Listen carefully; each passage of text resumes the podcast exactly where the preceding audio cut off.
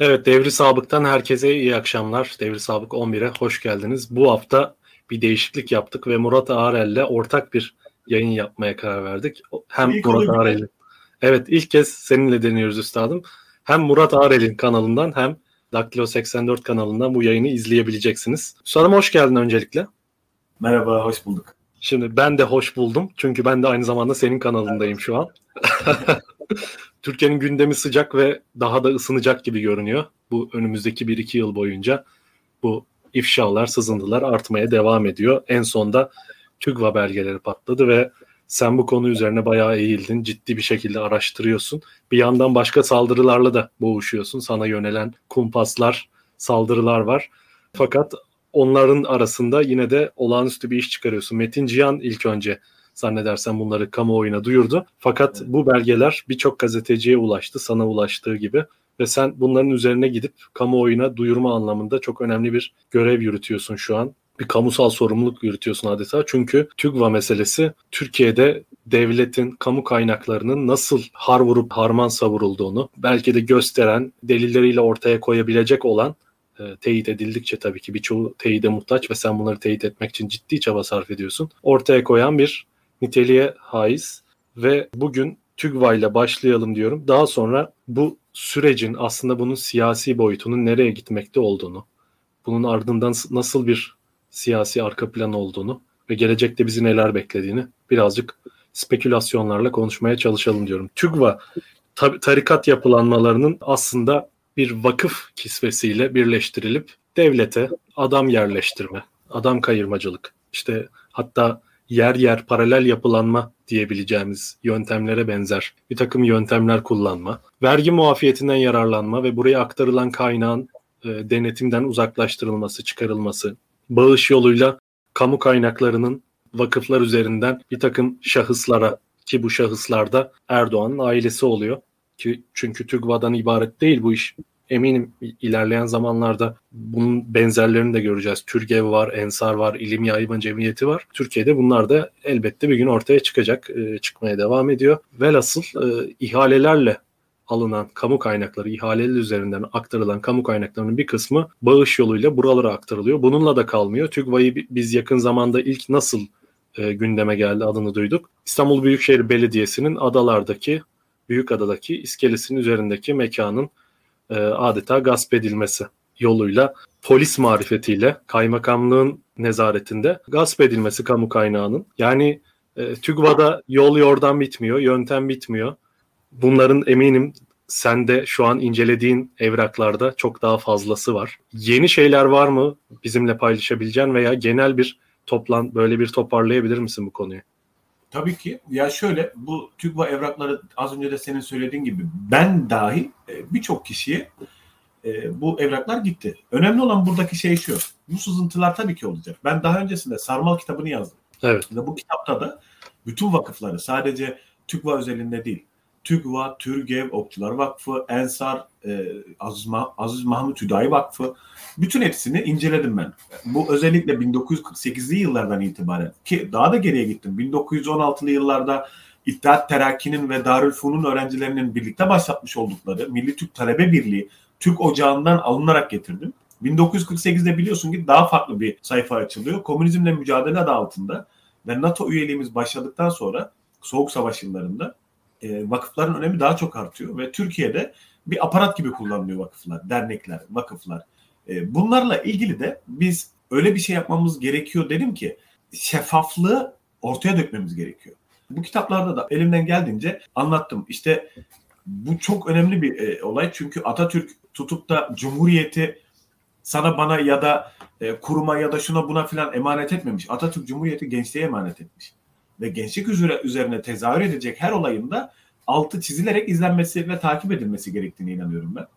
E, bundan dolayı önem verdim. TÜGVA ile ilgili evraklar geldiği zaman içerisinde çok fazla kişisel bilgiler de var Özgün. Yani bunların içerisindeki bilgileri gazeteci e, gözüyle hemen ayıklamak gerekiyor. E, ilk geldiğinde zaten doğal olarak bir şüpheyle yaklaşıyorsun evraklara. Kimdir? Niye? Neden? Hangi sebeple? Hemen beşen bir K sorularını soruyorsun. E, bunların cevaplarını aldıktan sonra ise içindeki belgeleri doğrulatma yoluna gidiyorsun.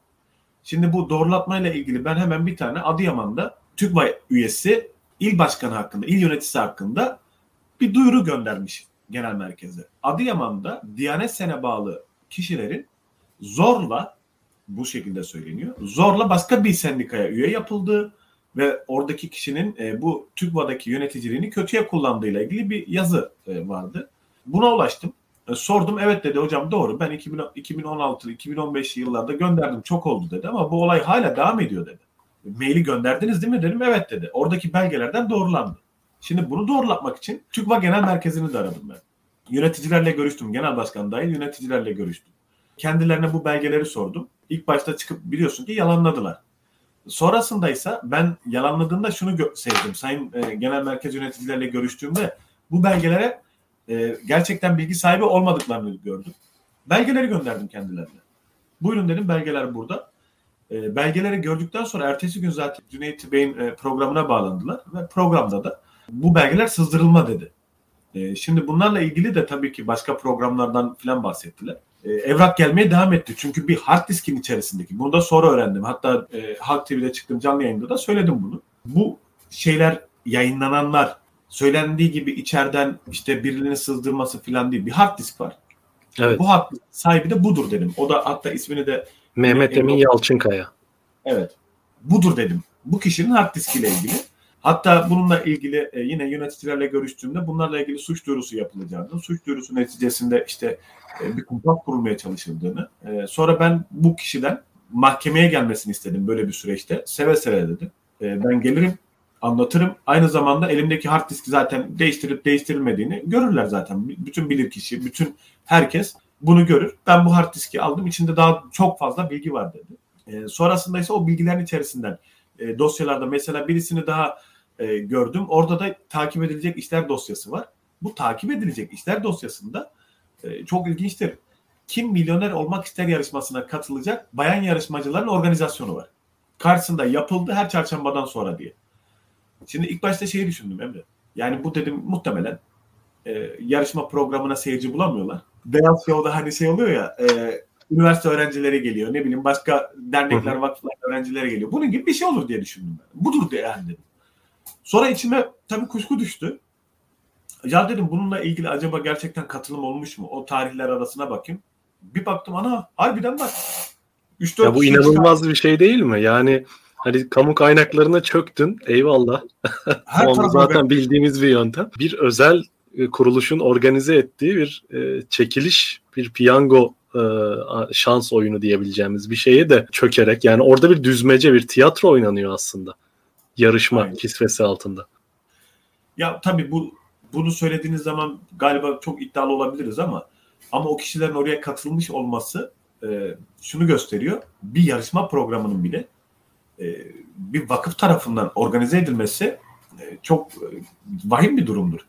E, dolayısıyla eminim ki oraya yarışmacı göndermişlerdir. O yarışmacılarla ilgili bununla ilgili iddialarda bulundular. Onu da yayınladım. E, bu sadece iddialarla kalmadı. Sonrasında yine karıştırırken e, dosyaları birçok evrak var ama kişisel olanlar falan beni ilgilendirmiyor. Ben işin kamu zararı, kamu yararı kısmındayım. E, valilikler dosyasını gördüm. Ya sonra ulaşmaya çalıştım, ulaşamadım ilgili kişilere. Ulaştıklarında suratıma telefonu kapattı benim. Ee, mesela Suat Kırım aradım, başka kişiler aradım. Suratıma telefonu kapattılar. Açıklama yapmak zorunda değilim dediler. Ee, bununla ilgili enteresan olan bir bakanlık yani güvenlikle ilgili sorumlu olan bakanlık bu tür bilgileri tutar. Gizli bilgiler mi? Değil tabii ki. Yani sayın valilerin sayfalarına girdiğinizde özgeçmişleri yazıyor zaten. Ama orada başka şeyler de var. Başka işte hani şu tarihte atandı, bu tarihte atandı, şurada görev yaptı. Daha önce şu görevi onları, yaptı, şu okuldan mezun oldu. Onları sen ben bilemeyiz mesela. O kadar Hı-hı. takip edemeyiz. Ya da bütün valilerin listesini çıkaramayız. Ya da çok zaman alır. Ya dedim ki bu niye bir e, kamu yararına çalışan, kar amacı gütmeyen bir derneğin, bir vakfın niye sayfasında olur? Bunu soru olarak sordum. Tabii e, TÜGVA iletişim beni yalanlamış. Ben de üstüne tekrar alıntıladım. Emin misiniz son kararınız mı diye. E, bunu bilerek söyledim çünkü o kayıtların e, şeylerini gördüm. 2015-2017 kayıtlarını gördüm. Şimdi mesela bu konuyla ilgili umarım mahkeme açılır.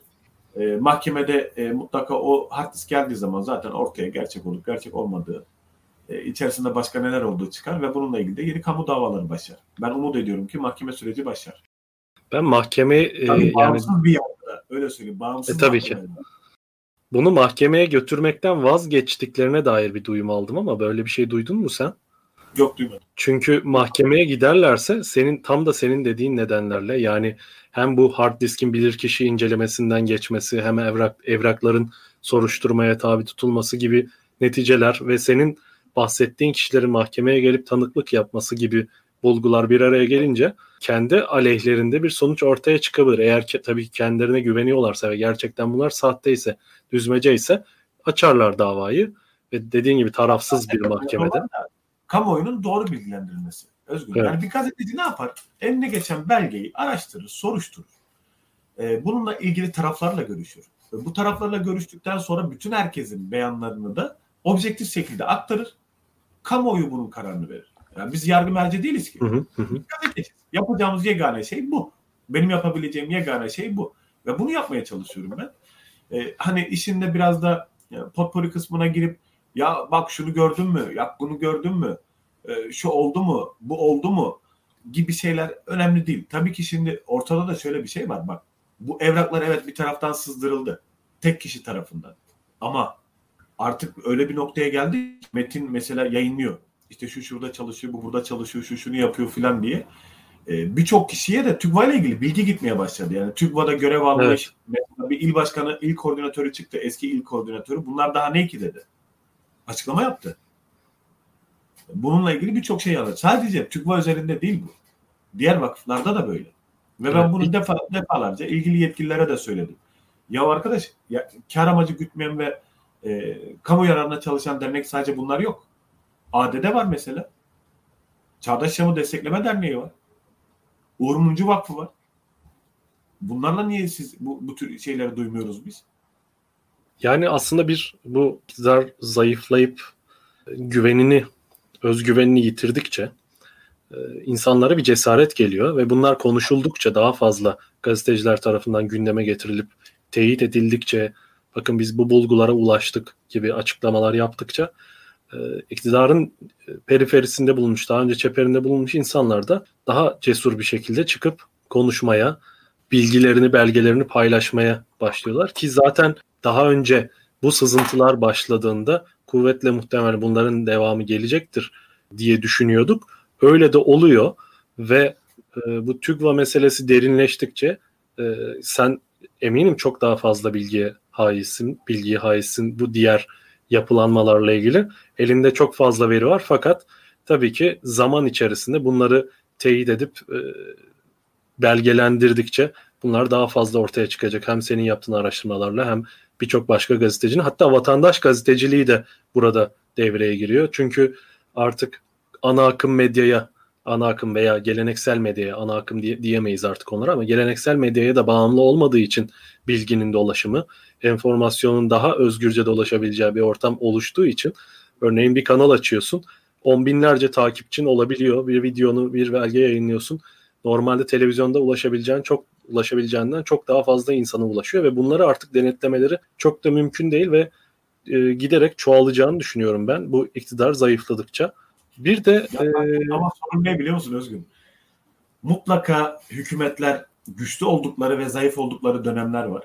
Ve o dönemlerde insanlar tavırlarını bu gidişata ya da gelişe göre değiştirebiliyorlar. Önemli Hı-hı. olan her zaman gerçeği savunabilmek. Her evet. durumda. Güçlü ya da zayıf olduğunda fark etmez. Doğrunun yanında durabilmek. E, alım teriyle oluşturulmuş kamu kaynaklarının nereye harcandığını e, cesurca belgelerle birlikte yapabilmek. Bu çok önemli olduğunu düşünüyorum ben bunun. Elimden geldiğince de buna e, sadık kalmaya çalışıyorum. Çünkü çalışıyorum diyorum o kadar çok yargılanıyorum ki artık evet. dava sayısını unuttum. İnan sadece dava değil emniyete kaç defa gidip ifade verdiğimi de unuttum. Ya senin gibi gazeteciler bedel ödüyor bunlar için. Aslında birer madalya diye ta- e, tanımlayabiliriz tamam. bence bunları. Yani Fethullahçıların seni e, içeri attırması meselesi var bu şey zamanında. Fethullahçılar iktidardayken. 2008'de de biz bunları yaşadık. Hı hı, Şimdi hı. 2021 aynısını yaşıyoruz. Bir şey değişmiyor ki. O bu dönemde de giriyorum ben içeri. Eminim ki hani hükümet değişse de ondan sonra da gireceğiz içeriye. Vazgeçmeyeceğiz ki bu. Yani umarım umarım öyle bir Türkiye e, en azından insanların bu nedenlerle içeri atıldığı bir Türkiye olmaz. Tabii ki de hak mücadelesi, kamu kaynaklarının savunulması mücadeleleri devam edecek. Fakat e, en azından bunlar için o dönemler geldiğinde hapse giriyor olmayız diye umut ediyorum. Bunun için ya mücadele ediyoruz. Eğer savunduğumuz şeylerden dolayı insanlar bizi yargılayacaklarsa, eğer kamu kaynaklarını haksız hukuksuz şekilde aile bireylerine hatta çocuğunun arkadaşına peşkeş çeken ona televizyon kanalları kurup futbol takımları aldıklarını yazmayacaksak biz gazetecilik olarak biz bu kalemi kırıp gitmemiz gerekiyor. Korkusuzun yapacağı yegane şeylerden biri nedir? Korku duvarlarını yıkmaktır. Gazetecinin yapacağı yegane şey ise bu tür kamu kaynaklarını kendi menfi çıkarları için kullanan kişilerin üzerine gitmektir. Bir nevi aslında kamu e, kamu görevlisi gibi davranıyoruz biz. Bunu da yapmak zorundayız ki gazeteci de aslında bir şekilde e, kamu görevlisidir. Hem neticesinde halkın hakkını savunmak zorundayız. Hem de bu konuda belki görmezlikten gelen ya da gerçekten gözden kaçıran bu bu tür ilişkileri sorgulaması gereken kişilere de kaynak yaratıp ihbar niteliği ya da duyuru niteliğinde işler yapmak zorundayız. E, elinden geldiğince de buna dikkat ediyorum zaten. Biz gazeteciler olarak buna dikkat etmek zorundayız. E, bu çizgiden de ayrılmıyoruz ve elimizden geldiğince uyarı mekanizmasını da biz sağlıyoruz. Bak diyoruz ki mesela az önce bahsettin. E, dedin ki e, şu anda adalardaki TÜGVA'nın işte orada bulunmasıyla ilgili İstanbul Büyükşehir Belediyesi'nin hukuki girişimleri var ve süreç devam ediyor. Özgün ben bunu 2018 yılında anlattım. 2018 yılında Cüneyt Akman'la Zamanın Ruhu programı. Evet, evet biliyorum. Ben bunu anlattım. Bakın dedim buraya çökülüyor. Bakın burası buraya e, bedava niyetine verildi diye anlattım. Şimdi mesela atıyorum sana Cumhurbaşkanı'nın berberi diye bahsediliyor. E, 2019'da anlattım. Bugün konuştuğumuz TÜGVA, TÜRGEV, Okçular Vakfı, o bu filan hepsini ben 2019'da kitap haline getirdim. 2020'de 2019'un sonu 2020 gibi çıktı. 2020'de cezaevine girdim. Ben girmemin yegane sebebi bu kitaptır. Her ne kadar başka bir suç yüklenmiş e, olsa da bu kitaptır. Bu kitapta yazdıklarımdan dolayıdır. Aslında biz uyarı mekanizmasını gazeteciler olarak öncesinden yapıyoruz, duyuruyoruz. Bizim için kontrol mekanizması çok hassas olan değerli basın savcıları ve değerli savcılar e, bu tür yazdığımız yazıları ihbar kabul edip soruşturma başlatacağı yere bu tür yazıları açtığımız için bize soruşturma başlatıyor. Bir de işin ironik tarafı şu. E, geçmişte kamu kaynaklarına ilişkin bu tür usulsüzlükler, hukuksuzluklar araştırıldığında bir şekilde kör topal da olsa işleyen yargı kamu kaynaklarını yani kamu gücü kamu kaynaklarını savunma adına devreye girebiliyordu ve kamu kaynaklarını e, görevi kötüye kullanan memurlardan veya siyasilerden bir noktada bir şekilde koruyabiliyor. E, kamu gücünü en azından kamu kaynağını kullanma anlamında seferber edebiliyordu. Bugün kamu kaynağını kamu gücüne karşı da savunmak durumunda kalıyoruz maalesef. Yani kamu gücünü elinde bulunduran gerek siyasiler gerek bürokrasi karşısında da savunmak durumunda kalıyoruz ve aslında bugünkü sistemin çürümüşlüğü de birazcık burada özetleniyor diyebilirim. Yani siz bir yanıyla kamu hizmeti yapıyorsunuz, bir yanıyla e, devletin çıkarlarını aslında kamunun ortak çıkarlarını savunmuş oluyorsunuz. Fakat bu savunma karşılığında e, yine e, mağduriyetler çeşitli özel şahıslardan değil, kamudan geliyor. E, yani ya, geçmişte dediğim gibi. Mesela Özgün şöyle bir şey var. Ya kafayı yeme bu ülkede kafayı yememek için kafayı yemiş olman gerekiyor. Çok samimi söylüyorum sana. Belki de yemişizdir. Zaten kafayı yiyenler farkında olmaz. Şimdi e, bugün bir yazı yazdım ben. Dedim ki Sabiha Gökçen havaalanı için metro yapılıyor abi ki e, tüm dünyada ihtiyaçtır artık bu. Yani lüks falan da değildir. Tüm dünyada artık çok yaygın şekilde kullanılıyor. Biz Sabiha Gökçen'i kullanıyoruz ama metro yok. Metro ulaşımı yok oraya şu anda. Metro içinde ihaleler yapılıyor ve bu ihaleler neticesinde de bir firma ihaleyi alıyor. Hatta Gülermak diye bir firma ihaleyi alıyor. Metro istasyonu için. İçerisinde kalemler var. Ya bu kalemlerle ilgili imalatlarına başladığı zaman ek işler çıkıyor. Kanun sana diyor ki ihale kanunu şayet diyor yaptığın işte bazı sorunlar çıkar ve ilave işler, ek işler yapmak zorunda kalırsan eğer bunun bedeli de toplam ihale bedelinin yüzde yirmisini geçmezse sen ihale düzenlemeksizin hazır ihaleyi yapan kişiye bu işi verebilirsin diyor ihalesiz. Kanunda bunun yeri var. Şimdi Ulaştırma Bakanlığı bunu uygulamak yerine bir anda abi duruyor. Ben diyor bununla ilgili diyor yeniden e, ihale düzenleyeceğim diyor. İhale düzenliyor. Aslında yeni düzenlediği ihalenin içerisindeki bütün her şey zaten ilk yapılan ana işinde içerisinde var olan şeyler. Ürünler bile aynı. Bak ürünler bile aynı. Kullanılacak ürünler bile aynı. Dolayısıyla pazarlık usulü yapıyor. 21B deniyor buna. 4734 sayılı ihale kanunun içerisinde devlet diyor ki kanun koyucu istisnalar tanıyor. Eğer diyor yangın, sel, deprem gibi afet durumları olursa ya da öngöremediğin durumlar olursa 21B'yi kullanabilirsin diyor. Ama bunun dışında kullanamazsın diyor. Ulaştırma Bakanlığı 21B'yi kullanıyor. Pazarlık usulü. İlk ihaleyi alan firmaya yine ihaleyi veriyor. Yahu ilk alan firmaya madem bunu yaptıracaksak niye o zaman ek artışa gitmedin de yeniden ihale düzenledin? Bu soruları sorduğumuzda karşımıza bir tablo çıkıyor. Bak işte kurumların e, kontrolsüzleşmesi ve kurumların denetimsizliğinden bahsediyoruz ya. Tam da bu ona en iyi örnek. İhalenin sonucu e, toplamdaysa bu yeni yapılan ihalenin sonucu 379 milyon lira. 379 milyon TL. Asıl büyük hisse 169 milyon euroluk. Yani %20'sini aldığın zaman 200 milyon euro desen %20'si 40 milyon euro yapar. Yani 40 milyon euro da ihale bedeline hemen hemen denk geliyor. Bunun %20'sini yapabilir. Şimdi 379 milyonluk ihale yapılıyor. Yapılan ihalede de kalemleri belirliyor Sayıştay. Ve kalemlerde diyor ki ya diyor arkadaş ben anlamıyorum. Sen ilk kalemde şu kadar almışsın. İlk ihalede vermişsin. İkinci ihalede bu kadara vermişsin. Şimdi tablo üstünden anlatayım. Şimdi bakın. İhalenin mesela ihale kaleminde gördüğünüz tabloda ikinci kaleminde yer alan ikinci kalemde yer alan nervürlü demir var. Nervürlü demir ve düz demir işi var. Yanında ton belirtmiş. Daha önceki yani ilk ana işte bu iş için tonuna 3941 TL fiyat verilmiş. Yeni yaptığı ihalede ise bunun tonu bir anda artmış 17.138 liraya çıkmış. %334'lük bir artış söz konusu. Ve buna 12 milyon 65 bin lira bedel ödenmiş. 12 milyon 65 bin liralık bedel ödenmiş. Peki diğer türlü olmuş olsaydı ne kadar para ödeyecekti? İşte tam da bam noktası, işin bam teli de burası oluyor. Aradaysa milyonlarla ifade edilen fark var.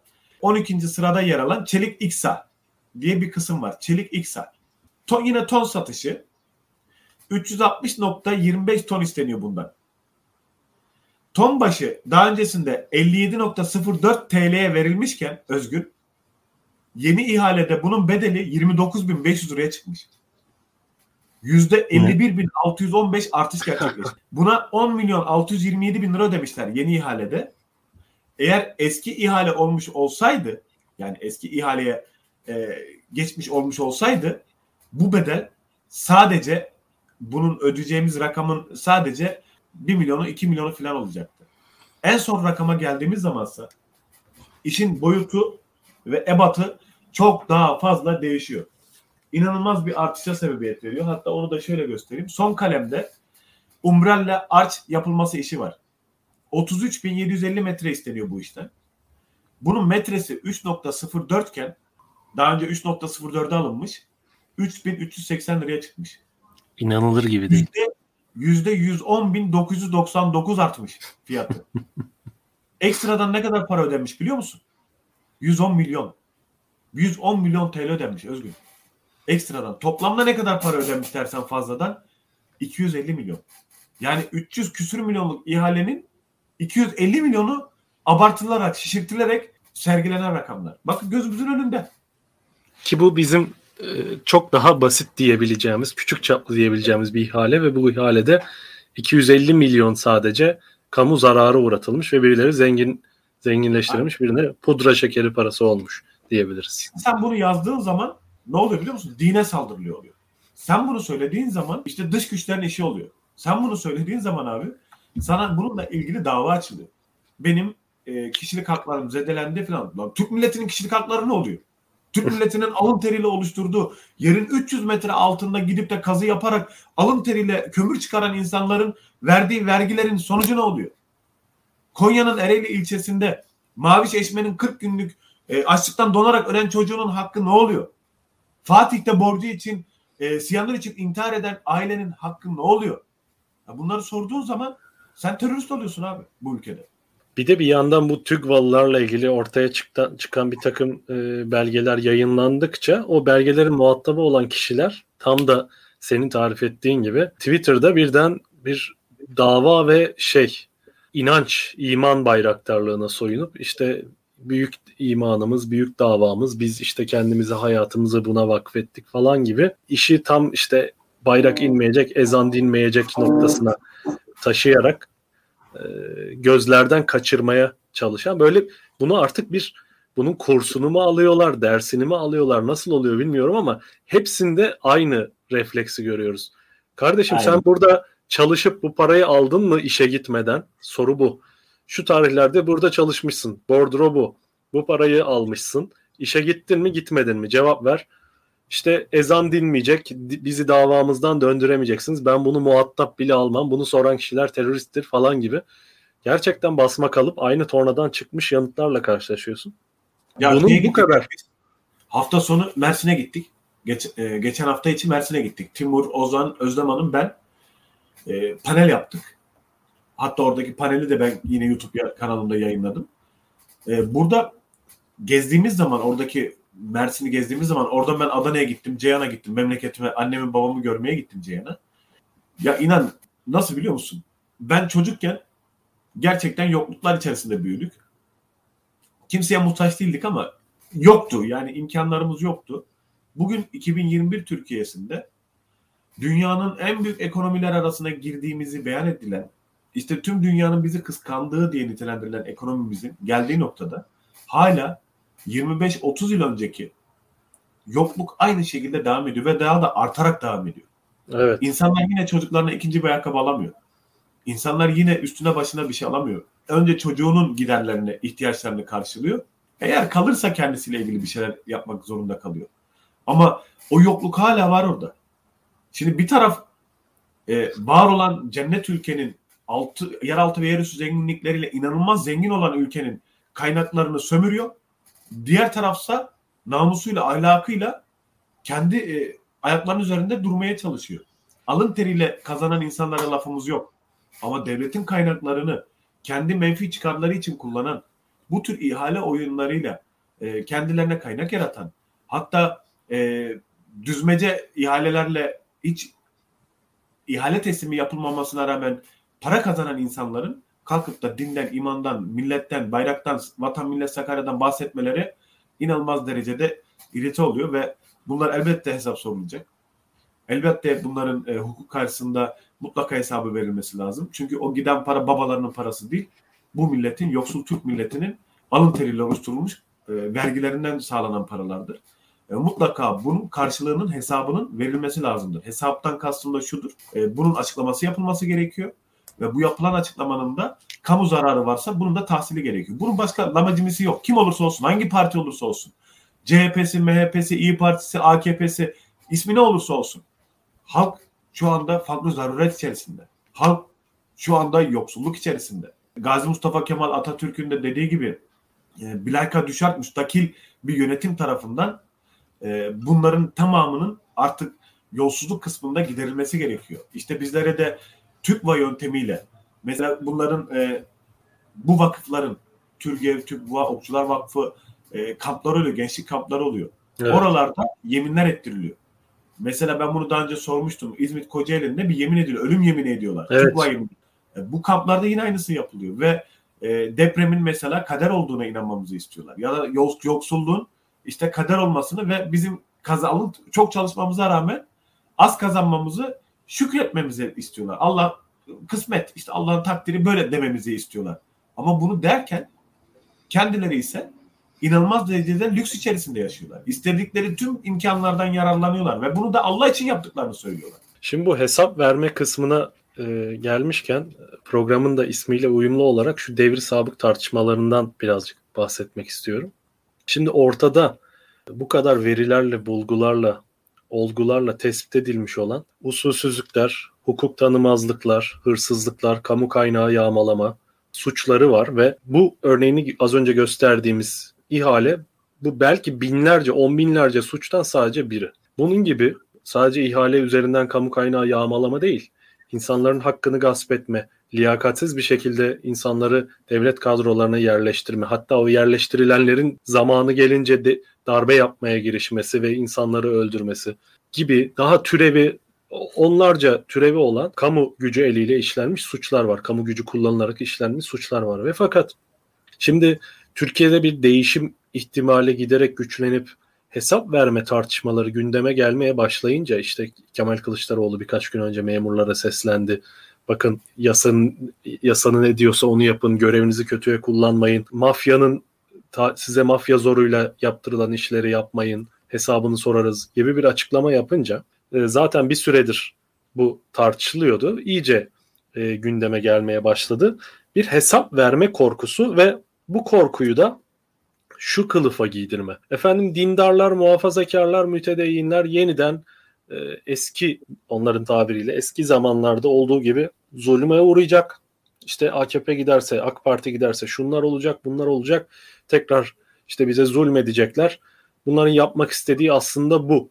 Yani işi bir kimlik ve din çatışmasına, gerilimine dönüştürüp hesap ver kendilerinin yani aslında bir avuç oradaki bir avuç vurguncunun hesap vermesini engelleyebilmek için bütün toplumu kışkırtarak e, hukuk yoluyla bağımsız yargının devreye girmesiyle tıpkı bir cinayet işlendiğinde bunun hesabının verilmesi gibi ortada bir suç varsa tabii ki de bunun hesabı sorulacak. Bunun üstüne örtü çekip hayatımıza devam edemeyiz. Çünkü yarın başkası da o cinayeti işler. Nasıl olsa bana bir şey olmuyor diyerek.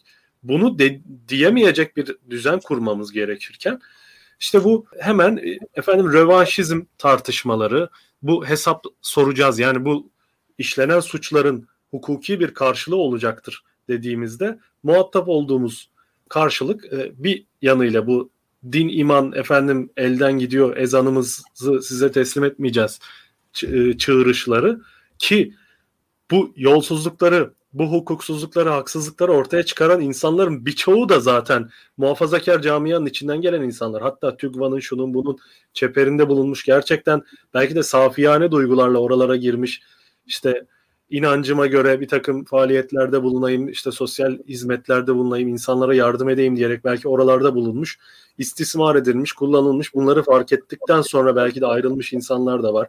Çıkar için orada bulunmuş ama bu aradığını bulamayınca ayrılmış insanlar da var. Fakat e, bunun sanki AKP'nin tasarladığı bu iki kutuplu e, siyasi eksen içerisinde bir kutubun diğerine yönelik bir zulüm uygulama girişimi gibi sıfatlandırılması, nitelendirilmesi çabasını görüyoruz. Bu hesap verme, hesap sorma kültürünün oturtulması ve bunun bir kurumsal e, bir şekilde uygulanabilmesini talep ettiğimiz zaman. Aynen öyle ve bunu da e, çok ciddi şekilde altını doldurmaya çalışıyorlar e, Özgün. Ama buradaki yapılması gereken çok net şekilde anlatılması gerekiyor. Namusuyla yaşayan, e, kamu e, malına el uzatmamış, e, alın teriyle işini yapan ama oyunu AKP'den yana kullanmış insanlarla kimin ne işi olur? Evet. Kimin ne işi olur? E, böyle tercih etmiş. Saygı duymak lazım. E, farklı görüşte olanlara da saygı duymak lazım. Bütün herkesin yapacağı ortak e, şey ülkenin menfaati ve geleceği için aydınlık yarınlara, çağdaş yarınlara gidebilme arzusu değil mi?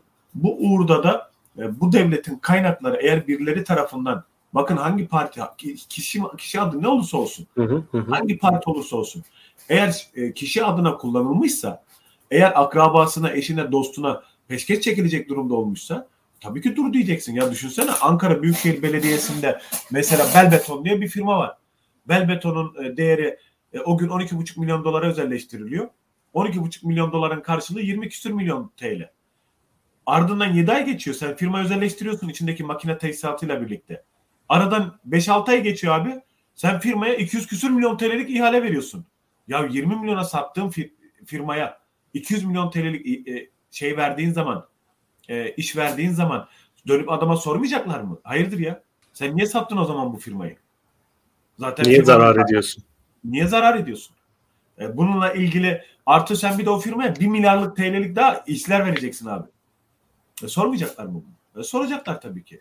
Bir de o firmayla o firmanın alan adamla da senin bütün çocuklarının filan organik bağ olacak. Onlar ortaya serilecek belgeleriyle ve sen bununla ilgili de herhangi bir şekilde din, iman diyeceksin. İşte e, vatan, bayrak diyeceksin. İnsanların da inanmasını bekleyeceksin. İşte bu zaten en kolay tırpalanan ya da bir şekilde insanları sömürü aracı olarak kullandırılan yegane şeylerden bu. Her dönemde oluyor aslında bu farkındaysan. E, siyasi Türkiye'nin yakın siyaset tarihine baktığın zaman belli sloganlaşmış kelimeler vardır. Milliyetçilik söylemlerinin arkasına sığınarak neler yapıldığını Türkiye'de geçmişte hepimiz okuduk, gördük, biliyoruz. Bugün aynısı yapılıyor yine. Bugün din imandan bahseden insanlar bu ülkede yine başı işte secdeye değdiği için diye öne çıkarmaya çalışılan insanlar o başı secde değen, değen insanlar Türkiye Büyük Millet Meclisi'ni bombalamadı mı? Evet. İnsanların üzerine bomba atmadı mı? Bunları yaptılar. İnsanları bu tür kategorize etmekten artık kutuplaştırmaktan bütün siyasilerin vazgeçmesi lazım. Ve oluşacak olan yeni eğer e, seçimlerden sonra oluşacak olan yeni bir e, hükümet varsa da oradaki devri sabın nasıl yaratılacağının iyi anlaşılması gerekiyor. Kesinlikle. Mesela şu anda Ekrem İmamoğlu ile Mansur Yavaş AKP belediyelerini yönetiyordu. Aldılar değil mi? Peki bu aldıktan sonra ne yaptılar? Kamu zararlarını mahkemeye taşıdılar. Savcılığa taşıdılar. Bunu yapmayacaklar da başka ne yapacaklar? Bu dönemde seçim değiştiği zaman da bu olacak. E şimdi mesela hukuksuzluk yap, hukuksuzluk yapan yargı mensuplarına niye bunu yaptın diye sorulmayacak mı? Ki yargı en önemli ve yargı ile ilgili içtihatlar konusunda alınan tasarruflar konusunda Avrupa İnsan Hakları Mahkemesi'nin bile son derece radikal tutumları var. Örneğin e, Arnavutluk Arnavutluk'ta daha önce bu yaşanmış. Tüm yargı mensuplarını Arnavutluk oluşan bir yargıya ilişkin güvensizlik nedeniyle tüm yargı mensuplarını bir liyakat sınavına tabi tutuyor ve bu sınavdan e, bir, bir takım yargı mensupları elenip yargı e, bürokrasisinin dışına çıkarılıyor. Yani açığa alınıyorlar aslında. AKP'nin ilçe baş ilçe ilçe yönetiminde bulunan avukatlar bu ülkede savcı hakim oldu. Daha ne olacak Özgün?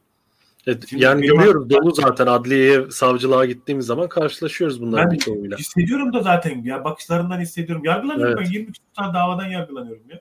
Yazdığım belgeli haber bak belgeli ya. İçerisinde yazın içerisinde belge var ya. Belgenin tarihi, sayı numarası var. Ona rağmen yargılanıyorlar. E maksat Yıldırım'a hakaret ediliyor, küfür ediliyor, hedef gösteriliyorum. E, Ergenekon kumpasında yargılanan ben firarilerle paralelmiş gibi gösterildiğim için suç duyurusunda bulunuyorum. Diyorum ki bakın bunlar böyle böyle yapıyor. E, hakaret ediliyor. Bakın sistemli bir şekilde hedef gösterme var. Adam kafanı keseceğim diye tehdit ediyor diyorum. Abi takipçilik veriliyor. E, işte en son Özlem Gürses'in olayı oldu. Bir evet, hakaret evet. meselesi daha iki gün önce yaşandı. Tamamen e, artık şirazesini kaybetmiş bir takım orada yargı mensupları var. Yakın zamanda bir de İsmail Saymaz'ın bir haberi çıktı. E, Yargıtay üyesi hatta muhafazakar bir Yargıtay üyesiyle görüşüp aldığı bilgiler Yargıtay içerisinde çeşitli tarikat gruplaşmaları ve işte Onlardan bir kısmı hak yolcu.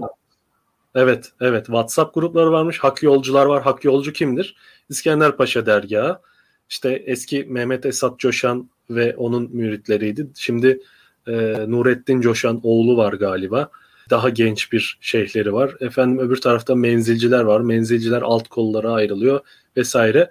Yani bu kişilere aranıp sorulduğunda böyle böyle WhatsApp gruplarınız var mı diye sorulduğunda da e, işte tarikat olarak değil fakat muhafazakar hakimler olarak böyle gruplarımız var gibi yanıtlar veriyorlar. Yani tam bir evlere şenlik durumu, tam bir e, artık şirazeden çıkma ve müthiş bir güç sarhoşluğu ve denetimsizlik hali. Bir de bu tarikat meselesine değinmişken şuna e, şunu da söylemek gerekiyor diye düşünüyorum.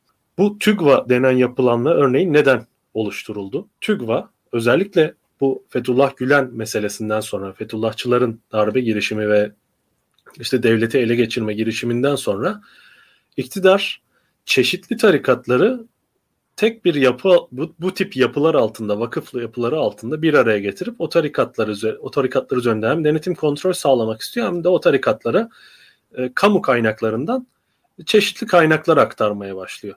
Yani bu yapıların aslında ortaya çıkmasının bir nedenlerinden biri bu. Bu tarikatları iktidarın denetimini alıp kendi çıkarlarına, kendi siyasi hedeflerine doğru yönlendirmek, kullanmak, buralardan insan kaynağı devşirmek. Fakat Bir de şöyle bir e, işin bir boyutu var.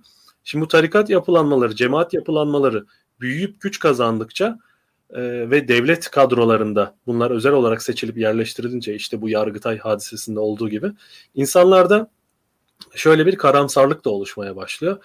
Türkiye e, giderek bir din devletine mi dönüşüyor?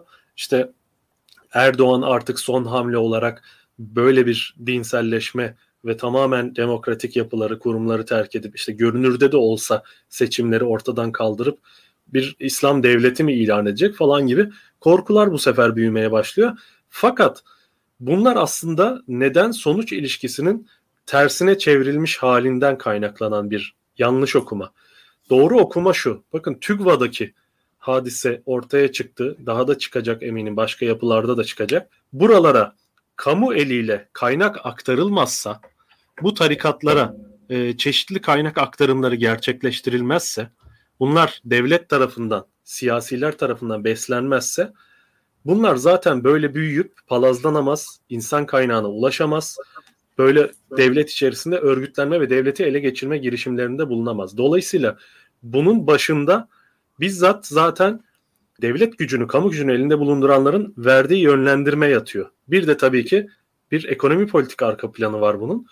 12 Eylül'le başlayan özellikle Türkiye'de neoliberalleşme süreci 12 Eylül'den sonra sosyal devletin peyderpey terk edilip sosyal hizmetlerin sosyal hizmetler alanının açıkta bırakılması, boşta bırakılması sonucunda insanların bu tip ihtiyaçlarını iş bulmak olsun, efendim eğitim olanaklarına kavuşmak olsun. Bakın şu an çok canlı bir mesele var. Yurt meselesi. Değil mi?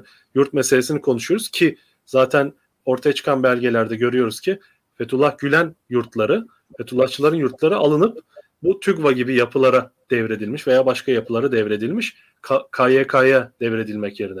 Ve şu an e, öğrenciler birçok öğrenci yurt bulamadığı için açıkta kalıyor veya çok kötü yurt koşullarında konaklamak zorunda kalıyor devlet yurtlarında. Öte yandan Evet evet ve eylemler yapıyorlar işte bir iki gündür görüyoruz yurtların önünde eylemler yapılıyor çok çok rezil koşullarda bu çocuklar oralarda hayatta kalmaya çalışıyor. Geçen gün bir AKP'li e, yönetici miydi, vekil miydi tam bilmiyorum Hüsniye Hanım. İşte e, mini mini zamlar geliyor diyen hanımefendi.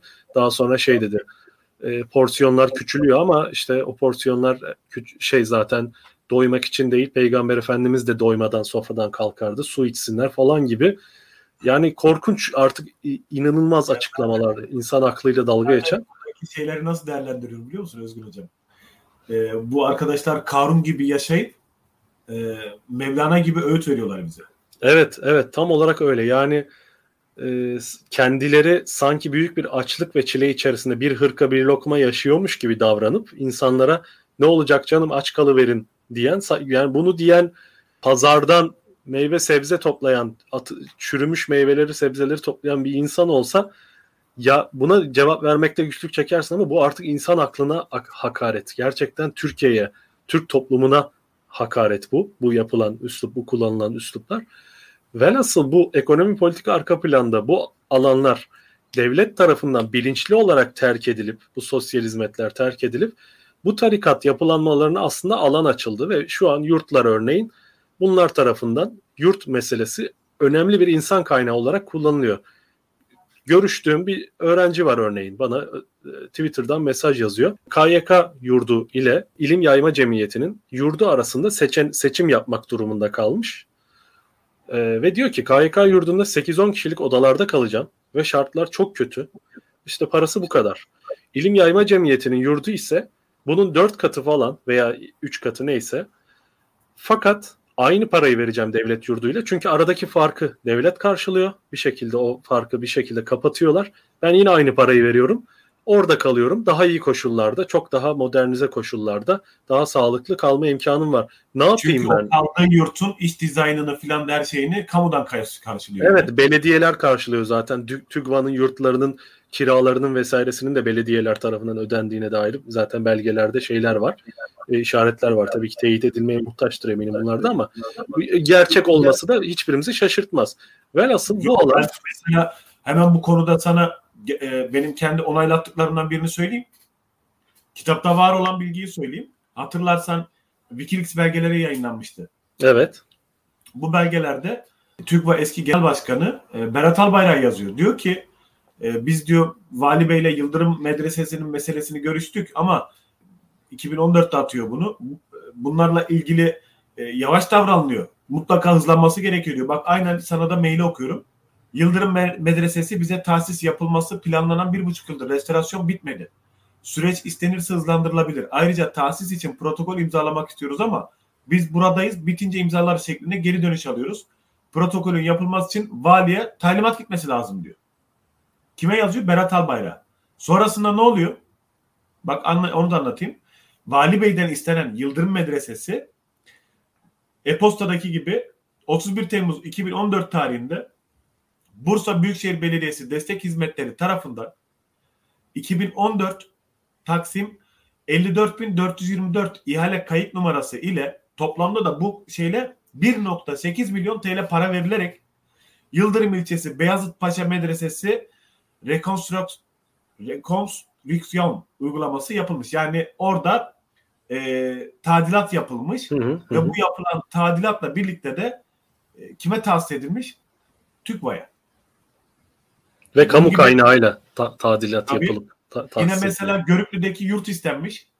Buranın e, işlemlerinin yapılması gerekiyor. İnşaat yapım yapılması gerekiyor deniyor.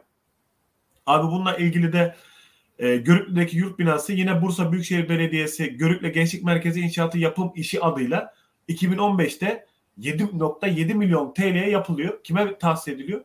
TÜKVA'ya. Sen bir de Hindular tekkesinden bahsettin yakın zamanda İstanbul'da. O da şöyle belgelerin içerisinde e, bir yönetim kurulu kararı alınmış. Hindular tekkesiyle ilgili problem yaşıyorlar. Tahsis edilmesiyle ilgili yazılar yazılması talimatı veriliyor. Abi bakıyorsun Hindular tekkesine. Evet TÜGVA'nın üstünde Şu tabelası anda var. il merkezi. E demek ki doğruluyor işte bu da. Evet. Hindular tekkesi meselesi ki bu tarihi bir yapı bu arada. Bunu da belirtelim. Yani böyle modern bir yapı değil. Bu tarihi bir yapı, tarihi eser. Yani önemli bir kamu aslında ortak zenginlik diyebileceğimiz bir eser. Bunu alıp bir vakfa devletin kamu kaynaklarını kullanarak tadilat yapıp bir vakfın bir vakfa peşkeş çekiliyor adeta. Aynen. Ya bu zaten karşı olduğumuz şeyler bunlar. Ben yetkililere de bunu söyledim. Yazdıklarımın içerisinde eğer yanlış ya da belgesiz ya da bilgisiz ya da doğrulatmadığım herhangi bir şey varsa e, ne yaparlarsa yapsınlar. E, yazdığım her şeyin de arkasındayım ben. E, ve bunlarla ilgili de şöyle sorun var. Bu gidişat iyi bir gidişat değil. Biz bunu Türkiye olarak daha önce denedik, gördük.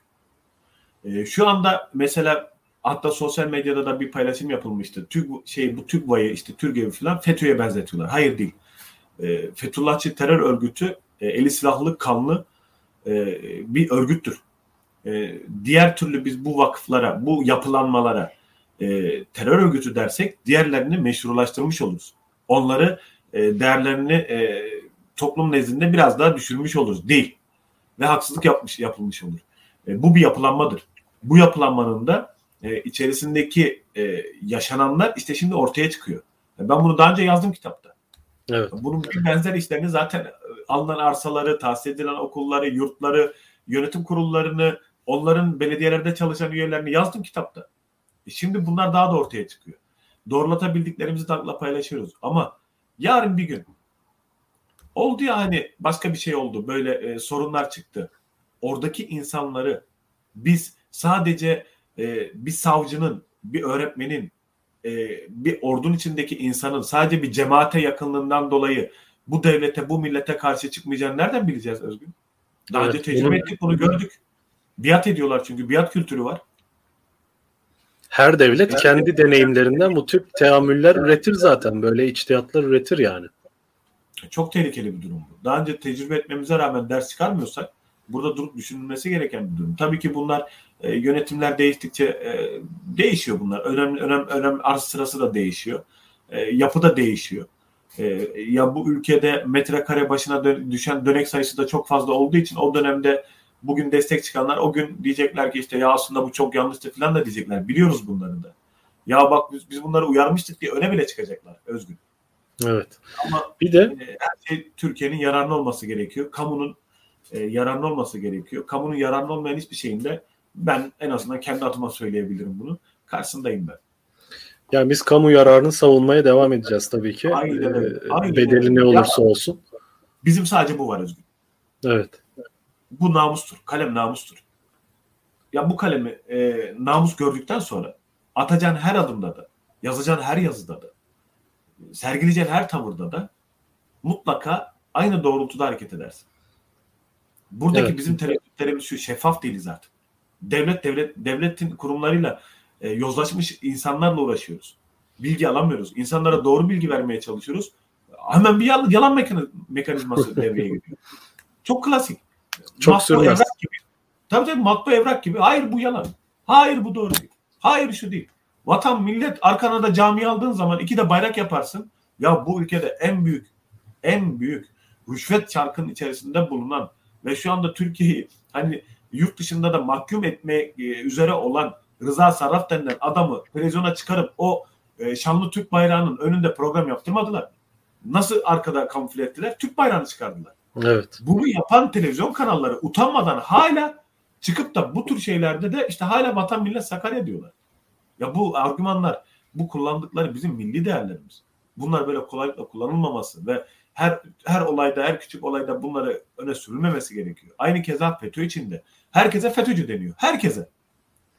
İt, e, ilintili ya da değil. Herkese bu sıfat takılıyor. Ya düşün Ergenekon kumpasında yargılanmış olan kişilerden biriyim ben. Bana er- o beni yargılayanlar, orada medyada destek verenler, yargılanmamız için ölsün, gebersin diyenler bana destek veriyormuş şu anda. İşte Osman Gökçek iddia ediyor ya abi. Evet, evet. Destek veriyor. Nasıl destek veriyormuş? Murat Arel tutuklandı yazarak. Hani haber paylaşarak. Ya o Troll kampanyası yürütüyor. Ya böyle bir şey olur mu?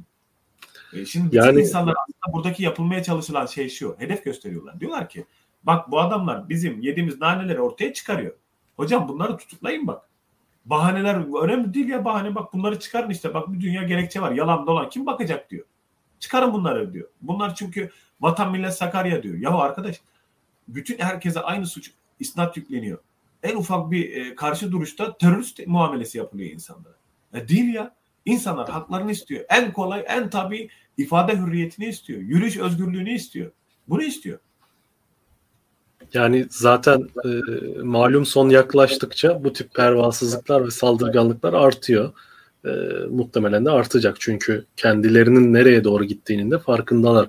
Bu suçlara bulaşmış olanlar en azından öyle diyebiliriz. Bir de Video vardı Bu- Özgün hatırlıyor musun? E, adamın bir tanesini jandarma gözaltına alıyor. E, adam bir anda kendini yere atıyor. Ali Muhammed aşkına diyor. Ey, ey evladım Müslümanlar diyor. Görüyorsunuz diyor. Şu anda diyor darp ediliyorum diyor. E, zor şartlar altında götürülüyorum diyor. Yani, tabii izliyor herkes komik olarak. Ey Allah'ım diyor. Eğer diyor bu zulüme sessiz kalırsam benim canımı al filan diyor. Bir anda ölü numarası yapıyor. Sonra kalkıyor. Oh ne oldu bir anda diyor. Öbür dünyaya gittim geldim ben diyor filan. Ve buna inanan kesim var. tam bir Adamlar gülüyor buna inanan kesim var. Ya maalesef. Maalesef ama e, yavaş yavaş bu kötü dönemi kapatmaya doğru gittiğimizi her programda programın bitirilişinde olduğu gibi programda da vurgulamak istiyorum ve şunu belirtmek istiyorum. Belirtmeden geçemeyeceğim.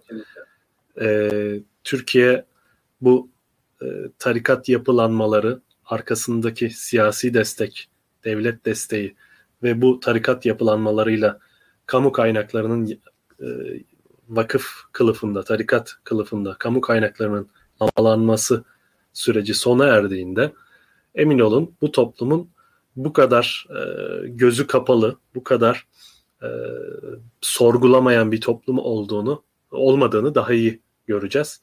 E, Türkiye sanıldığı gibi dinsel anlamda radikalleşen bir toplum olmadığını daha iyi göreceğiz. Bu bir rüzgar dindiğinde.